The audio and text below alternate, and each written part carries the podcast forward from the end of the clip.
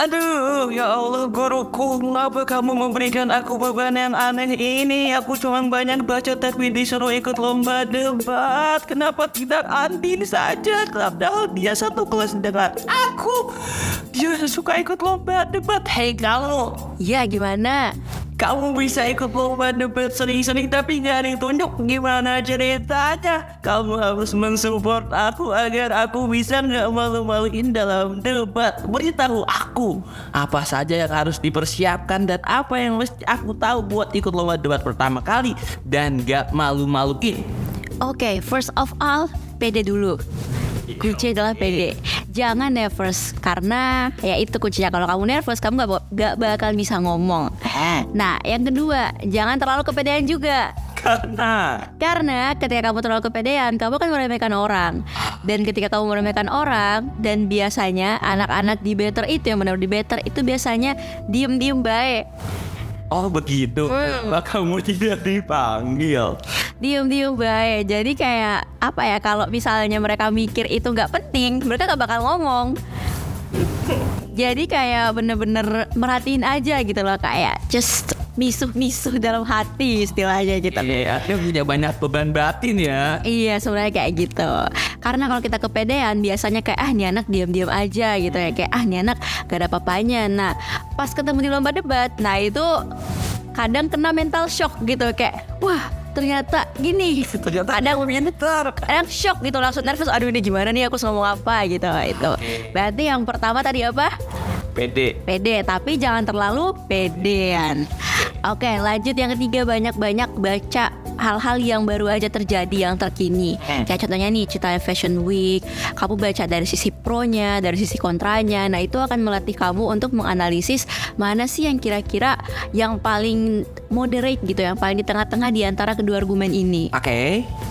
Nah terus yang keempat itu jangan males buat nanya ke orang-orang yang kamu anggap itu dia kritis gitu loh atau dia pinter jangan ragu buat nanya buat minta pendapat mereka gitu kalau bisa sebanyak-banyaknya biar kamu dapat banyak insight dari berbagai perspektif pemikiran orang Eh, selain tadi ada sisi pede, kemudian membaca, tapi di nama perlombaan kan pasti ada pembagian tugas. Terus ada nama-nama kayak emosi apa-apa tuh. Gue nggak terlalu paham dengan nama-nama itulah ya. Lu bisa coba jabarin sedikit deh. Sistem masih perlombaan debat.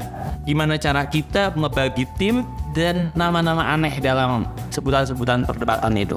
Oke, kita first of all mulai dari Mosi dulu ya. Mosi itu adalah satu tema atau judul yang diperdebatkan. Misalnya nih, eh, Dewan ini menyesali adanya Citayam Fashion Week. Oke. Nah, itu maksudnya adalah kalau di pro, kamu bakal menyesali dengan adanya Citayam Fashion Week ini. Jadi kamu menolak Fashion Week ini gitu. Oke. Kalau kontra, kamu nggak menyesali, justru kamu mendukung adanya Citayam Fashion Week ini. Jadi itu. Nah, terus eh, mosi itu biasanya yang diangkat itu ada banyak jenis. Nah, misalnya nih ada tentang politik, ekonomi, sosial, budaya, atau bahkan mosi imajinasi. Pernah dengar nggak mosi imajinasi? Anto diperdebatin tapi imajinasi kan aneh. Nah, mosi imajinasi ini kadang ya contoh nih, contoh satu mosi imajinasi itu dewan ini menolak adanya konsep superhero. Mm-mm. Nah, jadi kita tuh selain dituntut untuk menyikapi tentang hal-hal yang terkini, kita juga dituntut untuk menyikapi sesuatu yang menurut kita ini kok aneh gitu. Tapi kita harus kritis, kita harus mengkritisi hal yang kita anggap aneh gitu. Jadi kayak gimana ya, apa pun yang terjadi, kamu tetap harus kritis meskipun menurut kamu itu nyeleneh, kamu tetap harus kritis. Itu. Gak ada di dunia tapi kita mesti mengkritisi hal-hal itu. Nah seperti itu Tapi itu juga Somehow ya Itu akan Apa ya Semakin menguji otak Iya. Untuk semakin berpikir gitu. Karena ketika Misalnya logika kita berpikir Ngapain sih gue mikirin ini? Gak penting gitu loh. Nah tapi di sisi lain kita juga harus Oke gimana cara kita menyelesaikan Hal yang menurut kita impossible? Oke. Kayak menurut kita itu Apa sih? Gak mungkin ya Tapi kita harus tetap selesaiin Iya kan? Jadi ya itu. Nah terus eh, gimana caranya biar kita bisa membuat komposisi tim yang bagus karena bakal ada pembagian tugas-tugas dari masing-masing pembicara kan. Nah, kalau di perlombaan debat itu ada dua ada dua macam gitu kan. Ada British Parliamentary sama ASEAN Parliamentary. Kalau di British itu ada dua orang dari satu tim. Kalau di ASEAN itu tiga orang satu tim. Nah, jadi ini aku jelasin yang ASEAN aja soalnya mostly itu sekarang ya mahasiswa itu lebih banyak membuka perlombaan di yang ASEAN. Ah, ah, karena KDMI itu biasanya pakai ASEAN. Nah, kalau misalnya nih ya pembicara pertama itu dia biasanya harus orang yang terstruktur. Oke. Ngomong secara sistematis, harus urut. Misalnya, pembicara pertama ini harus bawa background. Background itu adalah latar belakang mengapa mosi ini diperdebatkan. Hmm. Terus yang kedua, membawa definisi dari kata kunci perdebatan. Misalnya, yang tadi kan, Dewan ini menyesali adanya Citayam Fashion Week. Jadi kata kuncinya adalah Citayam Fashion Week. Dijelasin lah tuh Citayam Fashion Week adalah apa. Terus itu karakteristiknya gimana. Terus kenapa Citayam Fashion Week itu bisa eksis di saat ini, status quo saat ini gitu kan. Nah, terus dia harus bawa limitasi atau pembatasan. Nah, pembatasan itu biasanya agar si tim kontra nggak main debatnya kejauhan. Misalnya nih kita membatasi bahwa kita menyesali Citayam Fashion Week, eh, misalnya cuma di daerah Citayam aja gak berpotensi untuk eh, membuka Citayam Fashion Week baru di luar-luar daerah yang lain. Oke. Nah, itu misalnya. Terus setelah limitasi itu ada mekanisme. Mekanisme itu adalah eh, misalnya nih kita kenapa sih menyesali ini gitu? Apa yang buat kita menyesali ini? Nah, terus kalau misalnya kita menyesali ini, apa alternatif kita untuk misalnya nih ya, kita ada namanya preemptive. Kita akan memikirkan apa yang misalnya bakal dibawa oleh tim kontra. Eh. Misalnya nih kita sebagai tim pro mikir nanti kalau kita menyesali Citayam Fashion Week ini si kontra bakal bilang lah terus kamu akan ada solusi apa untuk mengganti sarana kreativitas anak muda Oke. Iya kan kan si kontra ini akan mendukung Citayam Fashion Week. Nah jadi kita sebagai tim pro ini harus meng apa ya kayak menerka-nerka apa sih yang bakal dikatakan sama tim kontra ini. Nah ketika kita udah dapat baru kita buat mekanisme. Nah kita bilang gini misalnya kalau tim kontra bakal bilang tidak akan ada lagi sarana kreativitas bagi anak muda di bidang fashion kalau misalnya Citayam Fashion Week ini dihapuskan. Nah kita sebagai tim pro bakal bilang ini tidak akan terjadi di sisi kami karena kami sudah menawarkan akan ada program-program lain atau misalnya akan ada aksi-aksi lain yang lebih positif dan lebih bermanfaat daripada Citayam Fashion Week untuk me- untuk mengembangkan kreativitas anak muda terutama di bidang fashion. Dengan cara satu dua tiga gimana? Nah gitu. Kalau mekanisme. Yang ketiga kan ada satu dua tiga. Nah itu tadi yang pertama background, yang kedua adalah definisi, terus yang ketiga ada uh, limitasi, yang keempat mekanisme. Wah, sangat pusing sekali ya. Ah, ternyata aku harus mempersiapkan banyak hal itu dengan teman-temanku. Kupikir hanya mengutarakan apa yang ada di kepala saja. Eh bentar masih ada pembicara kedua nih. Apa itu? Nah pembicara kedua itu dia harus apa ya melanjutkan argumen dari pembicara pertama.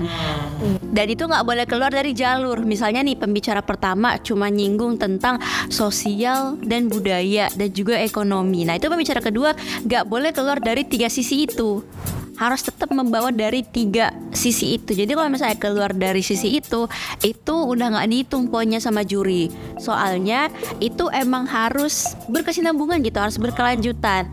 Jadi pembicara satu tuh emang harus benar-benar terstruktur. Hmm. Jadi kayak pembicara dua ini juga harus harus bantu pembicara pertama. Misalnya aku nanti bawa dalam bidang ini ini ini. Kamu sebutin nanti aku bakal bawa bidang apa. Ini bagi-bagi. Eh, eh, jadi ini pembicara pembicara pertama cuma nyinggung. Misalnya nanti pembicara kedua saya akan membawakan dari sisi ini ini ini ini. Nah pembicara kedua baru nggak melanjutin apa yang telah dikatakan oleh pembicara pertama.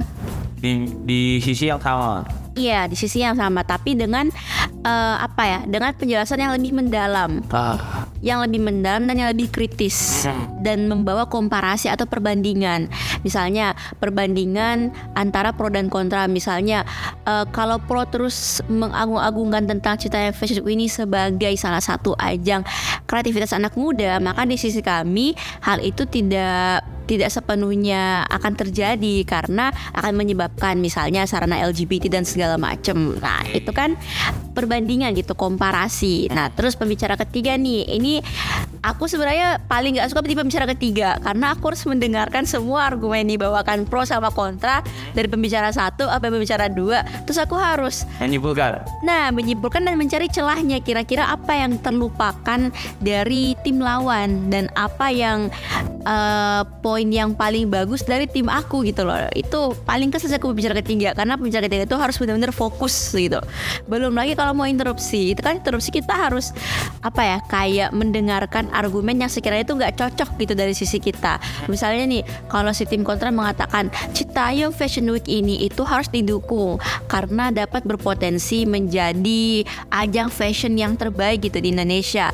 Kita bisa interupsi nih, interupsi apakah kamu akan menjamin bahwa Citayam Fashion Week ini akan benar-benar menjadi eh, apa ya sarana utama gitu untuk mengembangkan kreativitas anak muda, sedangkan itu menjadi sarana LGBT. Nah itu kan di situlah sisi serunya gitu kalau debat. Tidak, ini berarti memang harus dipersiapkan sematang mungkin dengan data-data yang eh, rigid ya, Iya. agar tidak bisa dibantah dan bisa memenangkan pertarungan dan itu kita nggak tahu pro dan kontranya. Iya, itu biasanya diundi sebelum perlombaan. Wah, Bahkan mosinya itu kadang diundi juga sebelum perlombaan. oke. Jadi dalam debat juga ada namanya mosi prepare Hmm, dengan mosi impromptu. Kalau mosi prepare itu biasanya kita udah dikasih mosi nih, kayak ini nanti yang bakal naik. Misalnya ada lima mosi, nah, nanti dari lima mosi ini bakal ada satu yang naik. Oke. Nah, aku lebih nggak suka yang prepare. Soalnya kalau prepare kita dikasih lima mosi, kita harus nyari semua lima mosi ini, tapi kita nggak tahu mana yang bakal naik. Hmm. Jadi kita harus persiapin kelima-lima ini mateng-mateng. Kalau impromptu itu enaknya kita dikasih tahu 30 menit sebelum debat mulai. Oh. Jadi kita mencari argumen namanya case building ya, membangun kasus itu selama 30 menit. Kalau misalnya impromptu, jadi misalnya nih eh, Dewan ini menyesal ada konsep superhero 30 menit case building dari sekarang. Nah itu kan kita sama-sama dari nol nih misalnya pro kontra sama-sama mulai dari nol. Jadi kita kayak bener-bener dan itu biasanya nggak boleh pakai HP, Oh gitu. nggak boleh searching. Jadi harus benar-benar main logika, nggak boleh searching. Nah itu, tapi impromptu. Kalau prepare biasanya itu ya kita dikasih waktu buat nyari materi misalnya. Tapi nggak enaknya ya gitu kita capek gitu loh, capek buat nyari lima limanya tapi nggak tahu mana yang bakal naik gitu loh. Dan eh, pro kontranya itu bakal naik Ya sama 30 menit se- sebelum perlombaan dimulai Jadi kayak kalau udah dibagi nih mosinya misalnya Oh mosinya keluar ini Nah itu baru tuh bakal keluar pro kontranya Itu biasanya diundi gitu Baru dibagi dan disusun tuh. Iya Strategi Mm-mm, benar. si tim. Oke, berarti sebagai orang yang sangat berdata ya, Iya. mendokumentasikan sesuatu berdasarkan data, logika dan kritis. Kita melihat di dunia sosial, aku tanya, ini apa di Twitter apalagi deh. Mm-mm. Oke lah mereka uh, berargumentasi tajam tapi uh, ya perdebatan-perdebatan sebenarnya sia-sia juga. Dan kamu sebagai orang yang punya background di better, bagaimana menyikapi uh, perdebatan-perdebatan di sosial media? Oke sebenarnya aku sih lebih apa ya Kayak kadang memperhatikan dari sisi argumen mereka gitu sebagai orang yang awam iya nggak sih? Yang kayak mari let's say ya semua orang yang ber- bermain media sosial itu nggak semuanya paham tentang segala topik atau masalah yang terjadi gitu kan. Kebanyakan orang awam. Sebenarnya aku sih kayak suka gitu me- membaca membaca komentar yang ini dari perspektif orang awam nih kayak gini. Tanpa research nih kayak gini gitu dari perspektif mereka. Dan kita bisa melihat bahwa oh ternyata secara umum orang awam melihat seperti ini. Beda dengan orang emang udah misalnya suka suka research dulu iya suka eh, mendalami dulu baru berkomentar gitu. Itu beda kelihatan kan. Jadi kayak ya sisi serunya sih di situ gitu tapi ah, ah, orang lain ya. eh, nggak kebodohan juga tapi kayak oh ternyata ada ya argumennya kayak gini ya gitu. Ada ya opini yang kayak gini ya ternyata gitu. Kayak kadang ada yang out of the box gitu yang kayak wah tapi benar juga gitu. Kayak at the same point dari logically atau misalnya dari apa ya kayak eksperimentalnya oh dapet gitu loh. Tapi nggak bener nih. Iya, nah biasanya kalau aku sendiri sebagai debater, aku ini dulu sih kayak research dulu seperti yang aku biasanya lakukan kalau misalnya aku mau debat kan, kayak research dulu. Habis itu baru tuh aku komen misalnya. Eh, sebenarnya berdasarkan ini atau berdasarkan itu itu nggak kayak gitu. Baru jelasin per poin-poinnya. Terus ada yang ngasih dalil. Wih, itu kayaknya kalau di Twitter jarang ya ada yang ngasih dalil ya. Kebanyakan di Facebook nggak sih yang ngasih dalil. Kalau Facebook tuh udah dalil terus kata-kata anak. Nah iya itu toksiknya Facebook. Kalau Twitter tuh biasanya lo kasih dalil udah hilang tuh akunmu besoknya. Anak-anak Twitter rada-rada ini ya, annoying ya. iya karena emang kebanyakan anak liberal kasih dalam Twitter tuh. Ya bebasnya sih tapi ya, mm, ya benar itu lah bebas anak-anak Twitter itu.